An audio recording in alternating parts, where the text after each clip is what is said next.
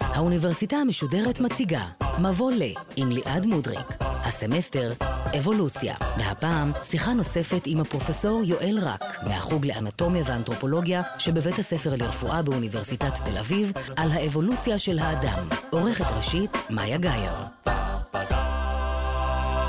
שלום לכם, האוניברסיטה המשודרת מבוא לאבולוציה, ואנחנו ממשיכים במסענו להבנת האבולוציה של האדם. בשבוע שעבר הגענו לנקודת מפתח בתהליך הזה, המעבר להליכה על שתיים, שכפי ששמענו הקדימה את הגידול המשמעותי בנפח המוח, וזה מה שהפך אותנו למי שאנחנו. אנחנו ממשיכים היום בסיפור המרתק הזה בעזרתו של פרופסור יואל רק, מהחוג לאנטומיה ולאנתרופולוגיה בבית הספר לרפואה באוניברסיטת תל אביב. שלום לך. שלום וברכה. ואמרת בסוף התוכנית הקודמת שההליכה על שתיים הייתה דרמטית, כי בין השאר היא הוכיחה שדרווין לפעמים גם טועה. כן, הוא טועה לעיתים רחוקות, אבל הוא טועה. ואחד הדברים המאוד אה, ברורים, כי כשהוא הציע את הצעותיו, לא היו בכלל מאובנים של בני אדם. במקרה הזה ההצעה הייתה שנפח המוח חייב לגדול כדי שהיצור יעבור ללכת על שתיים. נכון, הוא, לא, הוא טען שיש קשר, או מה שנקרא פידבק חיובי, כן. בין שני הדברים האלה. ההיגיון שבדבריו היה שברגע שנפח המוח עולה, אה, יש צורך אה, לנצל את הפוטנציאל שלו, להשתמש בידיים, ואז חשוב לשחרר את הידיים מתמיכה בגוף. וזה היה היגיון, וזה במשך הרבה מאוד שנים, זה באמת הייתה הנחה. ולאחר מכן, כשהחלו להתגלות אה, מאובנים, החוליה החסרה הראשונה באמת נקראה הומו ארקטוס, כן. כפי שדיברנו על זה. האדם הזקוף. האדם הזקוף, בגלל שמצאו גולגולת עם נפח מוח צנוע ועצם ירך שהעידה על כך שהוא הלך זקוף, וקרא לו הומו ארקטוס.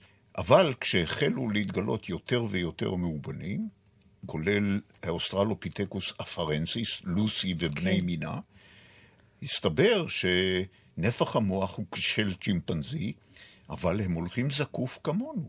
הולכים בצורה כמעט מודרנית. כן. אבל נדמה לי שאולי, אם כך, אמצע הדרך בין אדם לקוף יצטרך להיות איזשהו יצור שנפח המוח שלו הוא איפשהו באמצע בין שלנו לבין של נכון, הקוף. נכון, זו שאלה מצוינת, בגלל שהם... המשמעות של אמצע הדרך, אנשים חושבים שאמצע הדרך זה איזה מין קוף, כן. שבכל איבריו הוא באמצע הדרך. כן, גם הפרצוף חצי קוף, חצי בן אדם, והגוף. הדרך, חצי חצי. אבל הכי חשוב זה המוח. בסדר, ואנחנו יודעים את זה היום, כן. שכל מערכת... היא, יש לה את הקצב שלה. מעניין. אז אנחנו יכולים לדבר על נפח מוח שהוא מחצית הדרך, ואנחנו יכולים לדבר על מערכת התנועה שהיא במחצית הדרך, כמו שראינו עם ארדי פיתקוס, כן. אבל אנחנו לא יכולים למצוא יצור שכל המערכות שלו הן במחצית הדרך. אז מי היצור שהמוח שלו עשה את מחצית הדרך? אז זה באמת, מחצית הדרך זה בערך הומו ארקטוס. מבחינת המוח. אנחנו, נפח המוח שלנו, אולי כדאי להזכיר את זה, כן. נפח המוח שלנו הוא 1,400 סמ"ק, כן. הצ'ימפנזי זה 400 סמ"ק, אז אנחנו מדברים אל הומו ארקטוס, שיש לו 900 אלף סמ"ק, אנחנו מדברים על מחצית הדרך מבחינתה של המערכת הזאת. כן, והמערכות אחרות יש להן, כפי שאמרנו, את הקצב שלהן. יש להן את הקצב שלהן.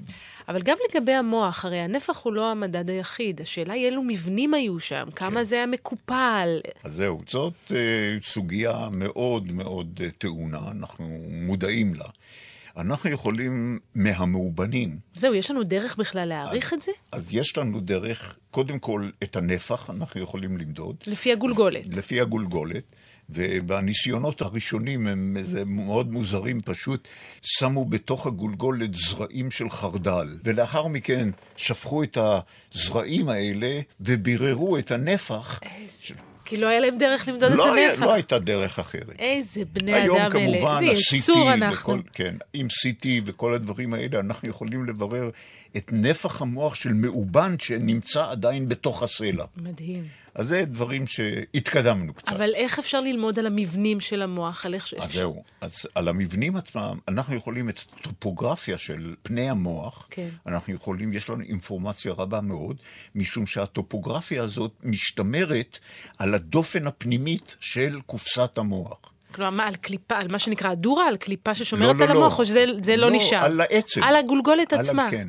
מסתבר שהעצם היא בסך הכל היא די גמישה ודי מגיבה, והיא בעצם, כל הפיתולים של המוח באים לידי ביטוי על החלק האחורי. אז אנחנו יכולים לראות את האונות השונות, אנחנו יכולים לראות את הכפלים ואת החריצים השונים, יכולים לראות את כלי הדם. כל הדברים האלה אנחנו יודעים מעבר לנפח המוח. אבל מה קורה בתוכו, כן. אנחנו לא יודעים. וכל ילד יודע היום את הסוד שמחשב גדול הוא לא עושה רושם. כן? מחשב... אז הגודל עצמו הוא לא מספיק משמעותי. הגודל הוא לא זה ש...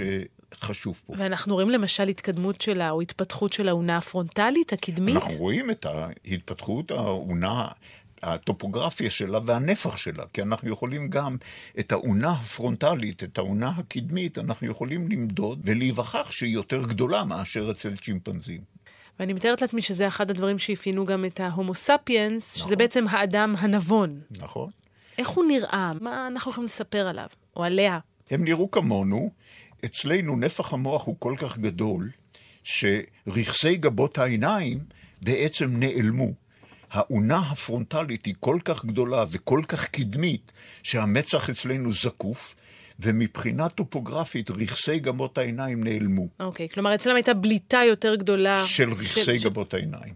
במילים אחרות, המצח היה פחות זקוף.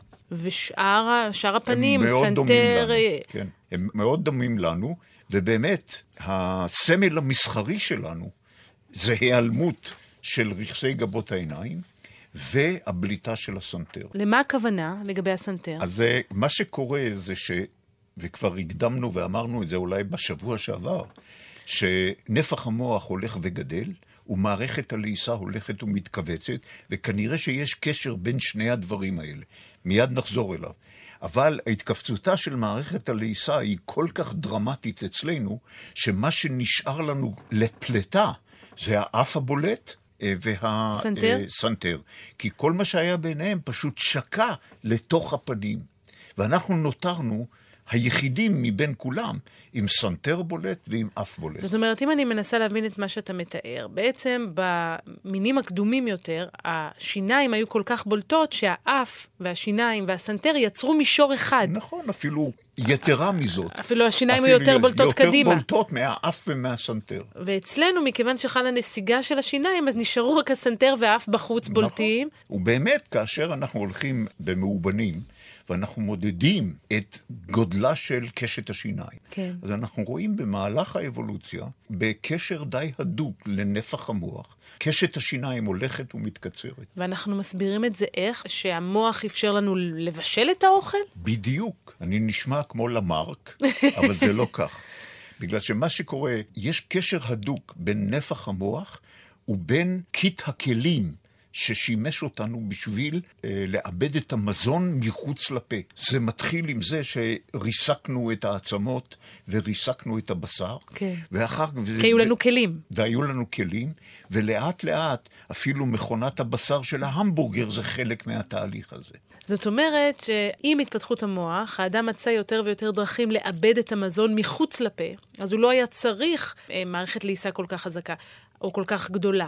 אבל למה שזה יקרה? כי אז מה, זה נתן יותר מקום למוח או ש... לא, אבל מה שקורה, זה בביולוגיה העניין הוא מאוד פשוט. אם אתה עדיין מקיים מערכת לעיסה גדולה מאוד, מבלי שאתה צריך אותה, זה מאוד מאוד יקר מבחינה אנרגטית. כלומר, מי שבמקרה אצלו מערכת הלעיסה היא יותר קטנה, יש לו כבר את היתרון. לכן אי אפשר להאשים אותי בלמרקיזם. שנזכיר, למרק, דיברנו על זה גם בתוכניות הקודמות, בעצם חשב שאפשר להעביר תכונות סביבתיות שנרכשו כן. סביבתית בתורשה. נכון, כאילו אם אנחנו לא לועסים, אז הלסתות הולכות וקטנות. זה לא קורה ב...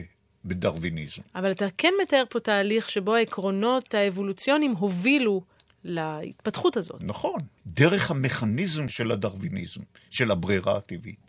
אז איך באמת אנחנו יכולים לשים את האצבע מה בתהליך הברירה הטבעית הוליד דווקא את ההומו ספיאנס ולא אחרים? תראי, יש לזה יתרון גדול, נפח המוח יש לו יתרון עצום. זה דבר שדרך אגב, כל היונקים אה, מתקדמים בנפח המוח. אנחנו, בשלב מסוים, לפני כמיליון וחצי שנים, עזבנו את הגרף הזה והתחלנו להמריא לגבהים פנטסטיים. משום היתרון הזה. אבל אנחנו יכולים להסביר למה? יש הרבה הצעות, אבל קשה מאוד לבדוק אותן. אחת ההצעות היפות שאני מכיר זה של הביולוג המפורסם ריצ'רד דוקינס, זה שכתב את הגן האנוכי וכל זה. והוא אמר דבר מאוד מעניין. הוא אמר שבקטע מסוים, לאורך קו התפתחותו של האדם, אנחנו נקלענו למה שנקרא מרוץ חימוש. למה הכוונה? כמו שאנחנו מכירים אצל הילדים שלנו, שהם באים ואומרים, אנחנו צריכים מחשב חדש. למה? רוצים מחשב יותר מהיר. ברגע שקונים את המחשב החדש, כבר צריך את התוכנות. ברגע שקונים תוכנות ועד שהם כולם מגייסים אותם, כבר המחשב ישן. והוא אומר שאנחנו נקלענו לאותו מרוץ חימוש עם המוח ועם השפה שלנו. ברגע שהחלה השפה, זאת התוכנה, החומרה לא הייתה מספיקה, החל המרוץ הזה. קשה מאוד ללכת ולבדוק את התיאוריה הזאת, כן. אבל התיאוריה הזאת היא מאוד מאוד מסקרנת ומאוד מאוד הגיונית. בכל מקרה, ברור שהשפה הקפיצה את ההומו ספיאנס קדימה. זאת טענתו. לא, אבל אני אומרת, לא רק לגבי התפתחות המוחית, 아, אה, נכון. שזו, אלא לגבי התפתחות החברתית, כן, מה שהם היו מסוגלים ברור. לעשות. יש כאלה שמייחסים בעצם לשפה את היכולת של המין האנושי לשלוט נכון, בכדור הארץ. נכון. להפוך למה שאנחנו. זה הרבה מעבר למה שאנחנו חושבים, כי ברגע שיש שפה אה, ואין היסטוריה כתובה, אז יש את ה... הזקן יכול להזהיר כן. מ... מלצרוך את כל המזון, בגלל שיכול להיות שיהיו זמנים קשים. כל הדברים האלה נותנים יתרון עצום.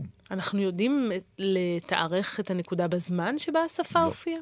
לא, אבל אם באמת דוקינס צודק, אז זה קרה מתישהו עם העלייה בנפח המוח. מעניין.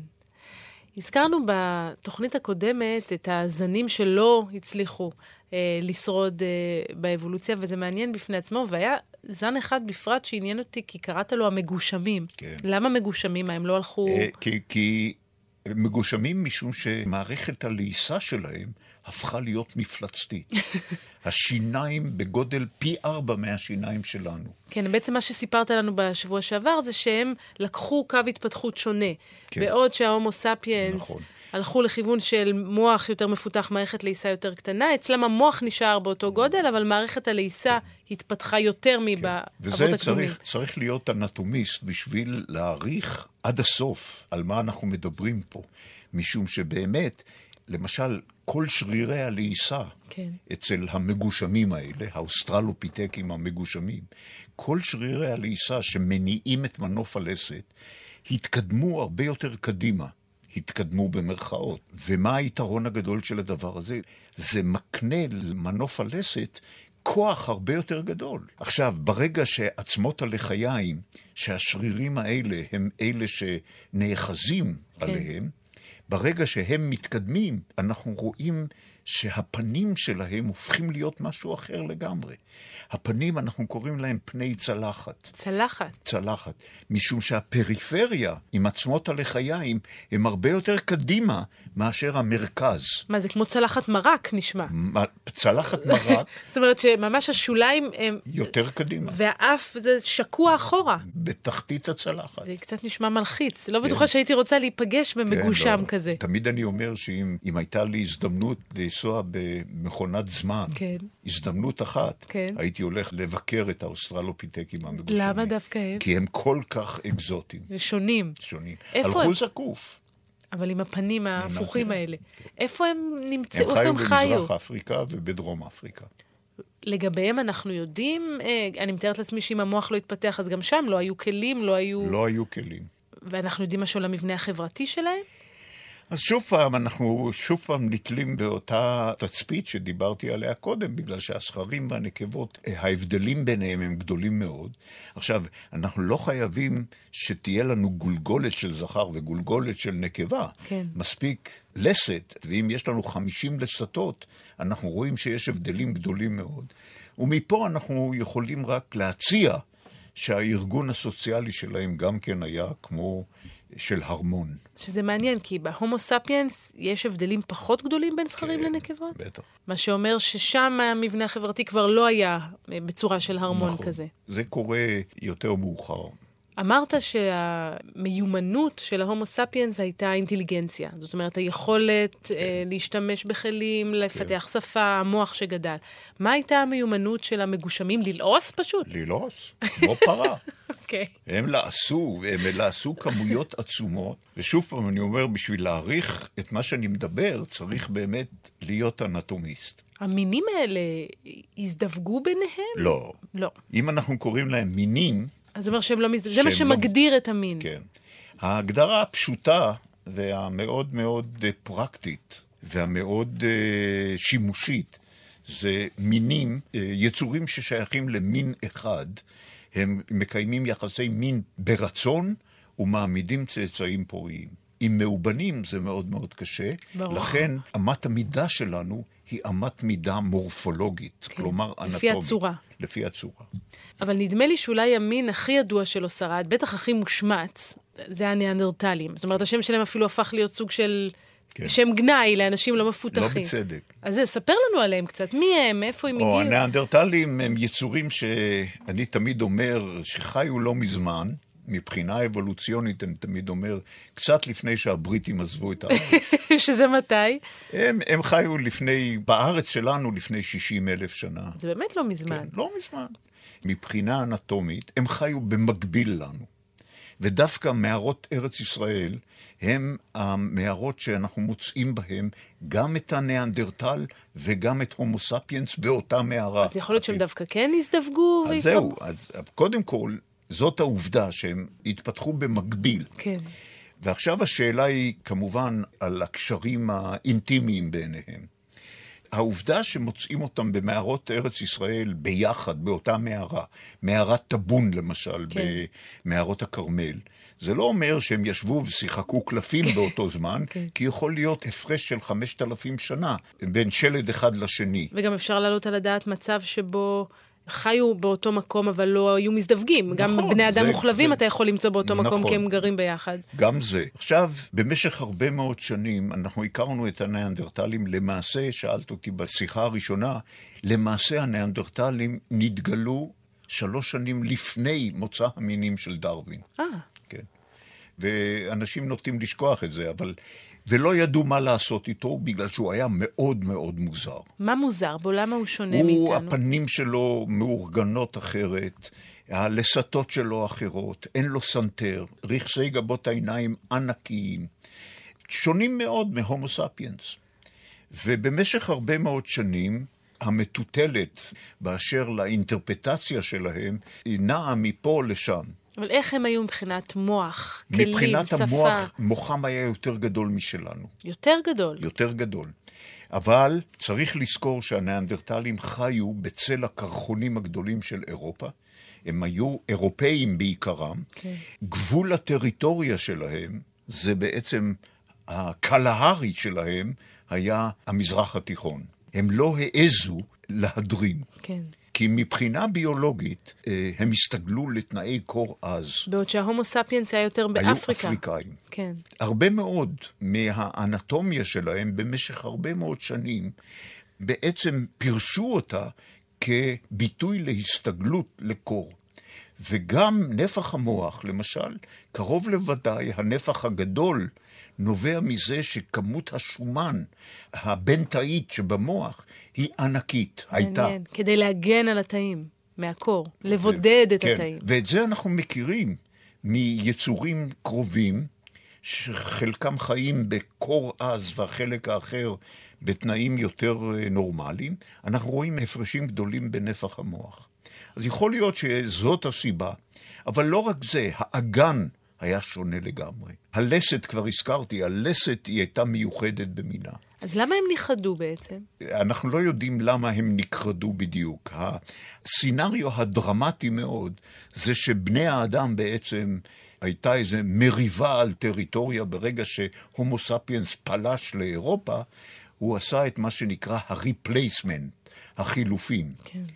הדברים האלה הולכים ומסתברים להיות לפחות ופחות אה, ברורים. אוקיי. יכול להיות שלא הייתה מלחמה וקונפרונטציה, כן, עימות, אלא בעצם מקורות מזון שההומו ספיאנס היה הרבה יותר אה, מוכשר בה, להשיג אותם. כל הדברים האלה באים אה, לידי חשבון.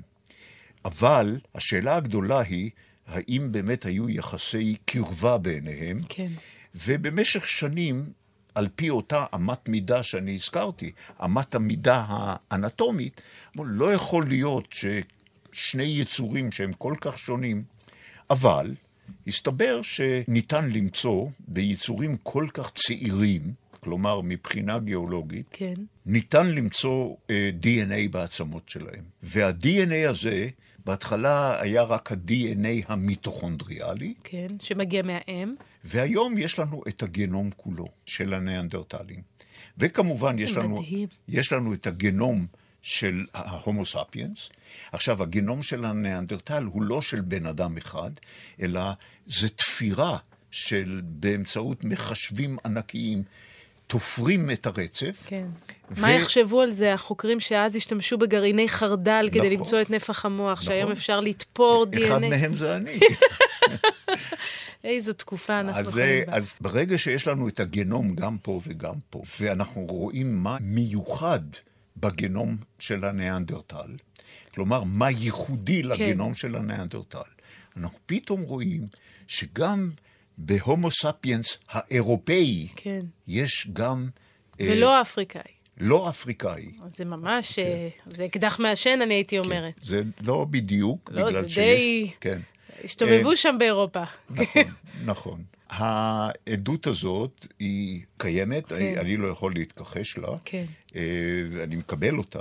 השאלה אם אי אפשר להסביר את זה גם בדרך אחרת. אנחנו יודעים שהומו ספיאנס גילו 200 אלף שנה.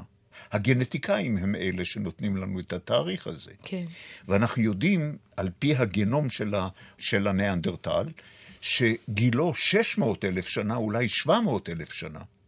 כלומר, בשביל ששני הענפים האלה התחברו. יגיעו לאב קדום משותף, חסרים לנו שחקנים בדרך. כן, אז אתה אומר, יכול להיות שהיו פשוט עוד תחנות. יכול להיות שהחילופים היו בין זה.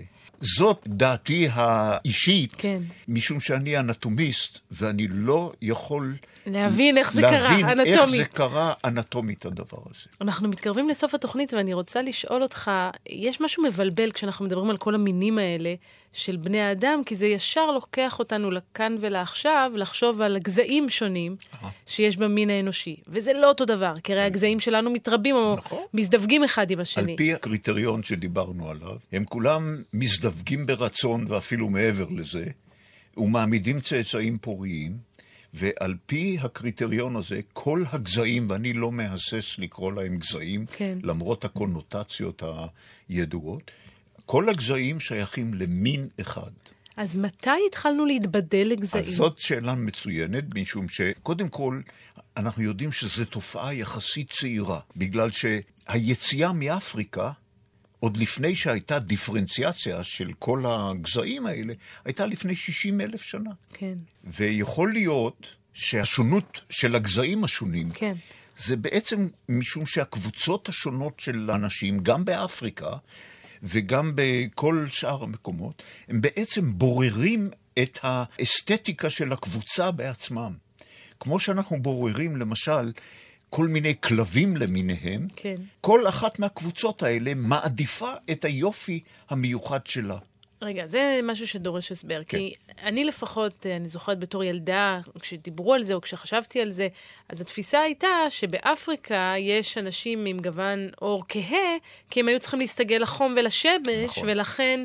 אז זה, לא, זה לא אז, הסיפור? אז, זהו, אז זה נכון. כלומר, אין ספק שחלק מהשונות שבין הגזעים השונים, למשל עור כהה, הוא מגן עלינו, הפיגמנטים מגינים עלינו מקרני השמש, כן. וברגע שאנחנו מתחילים לנדוד יותר ויותר צפונה, חשוב מאוד שהשמש כן תחדור לאור בשביל הוויטמינים. כי כבר כי אין הרבה שמש. כן, כי אין הרבה שמש. אז צריך להבהיר אז, את האור. אז אנחנו מבהירים את האור. אבל יחד עם זה, וזה סיפור שאני מספר את זה תמיד לסטודנטים שלי, במסעותיי אני מבלה הרבה באתיופיה. במערב אתיופיה יש את הסודנים, כן. ומצד השני של הנחל יש בעצם את האתיופים. הסודנים שחורים כשחור הלילה, והאתיופים הם בז'. בהירים יותר. יותר בהירים. אתה אומר, לא וזו אותה יכול שמש. להיות, כן, לא יכול להיות שזה דברים שהשמש עשתה. כן. והנה נתקלתי באישה אה, יווניה שנולדה שם, של סוחרי קפה וכל זה, אישה שהיא מבוגרת ממני, והיא סיפרה לי שהיא גדלה שם באזורים האלה, וילדים של סודנים שנולדו בהירים, זה היה כל כך נורא מבחינה אסתטית, שזרקו אותם לנהר. הנה יש לנו הסבר שהוא הסבר אסתטי. זאת אומרת, מאיזושהי סיבה, שאנחנו לא יודעים מה היא, זאת בדיוק. בחברה מסוימת החליטו כן. שאור כהה יותר יפה, ולכן הכהים קיבלו יתרון נכון. אבולוציוני, התרבו יותר, אפילו זרקו את הילדים הבהירים חס ושלום, כן. לנהר. ובחברה אחרת היה אידאל יופי אחר, נכון.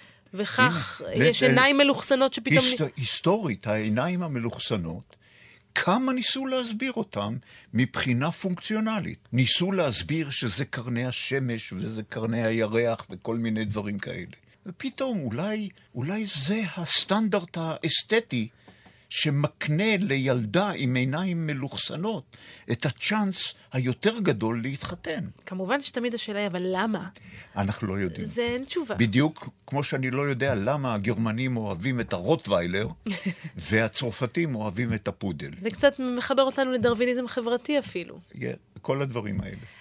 השוני החיצוני הזה מעיד, זו שאלה טעונה, כן. על שוני גנטי, אנחנו... השוני הוא גנטי. לא, אבל הכוונה בתכונות, ביכולות. לא, אנחנו יודעים שכל הסממנים הגזעיים האלה הם מה שקרוי באנגלית paper thin.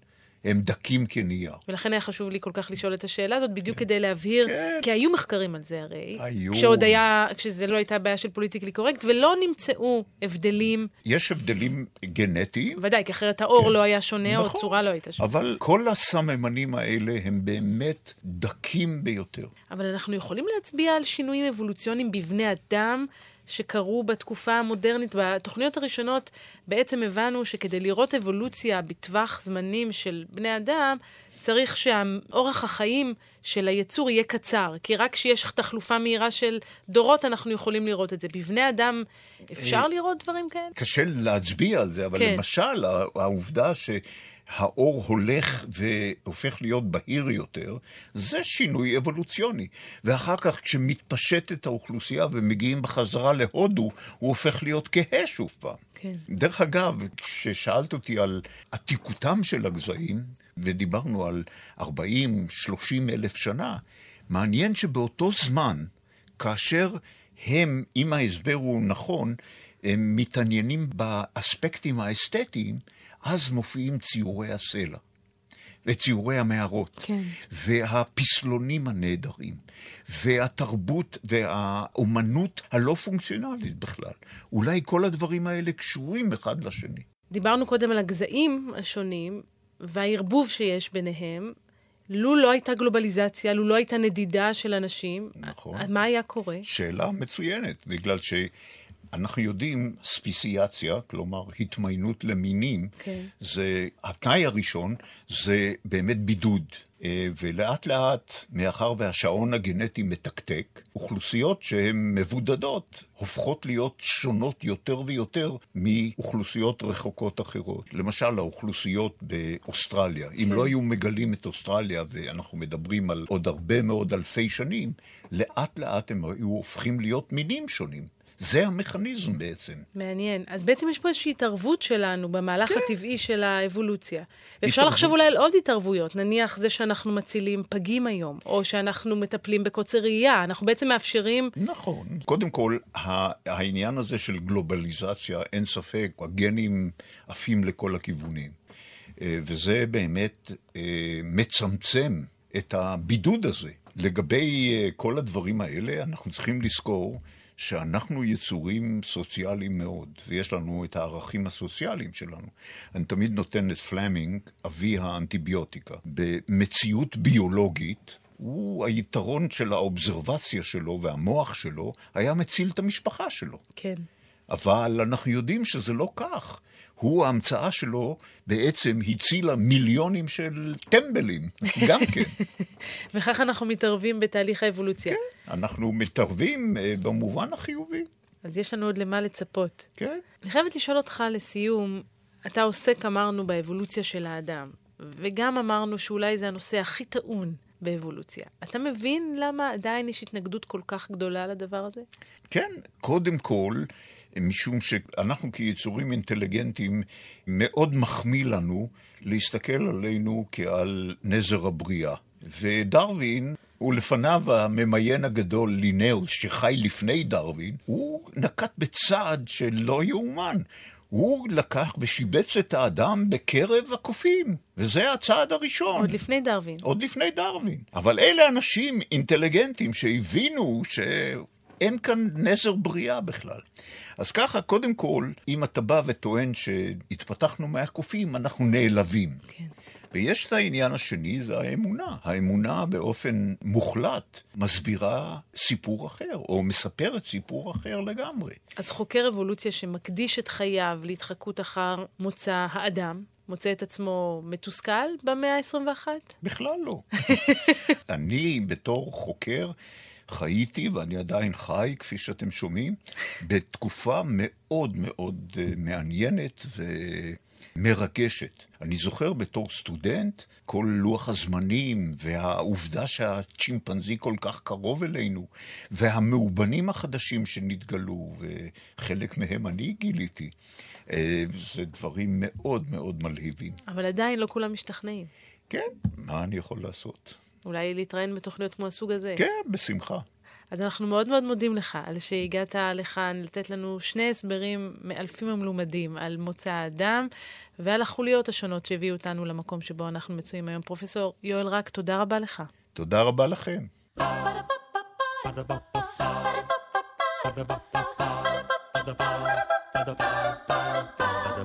האוניברסיטה המשודרת, מבוא ל... ליעד מודריק שוחחה עם הפרופסור יואל רק מהחוג לאנטומיה ואנתרופולוגיה שבבית הספר לרפואה באוניברסיטת תל אביב על האבולוציה של האדם. עורכת ראשית מאיה גאייר. עורכות ומפיקות נועם גולדברג ונעמי קנטור יצחייק. מפיק ראשי נחום וולברג.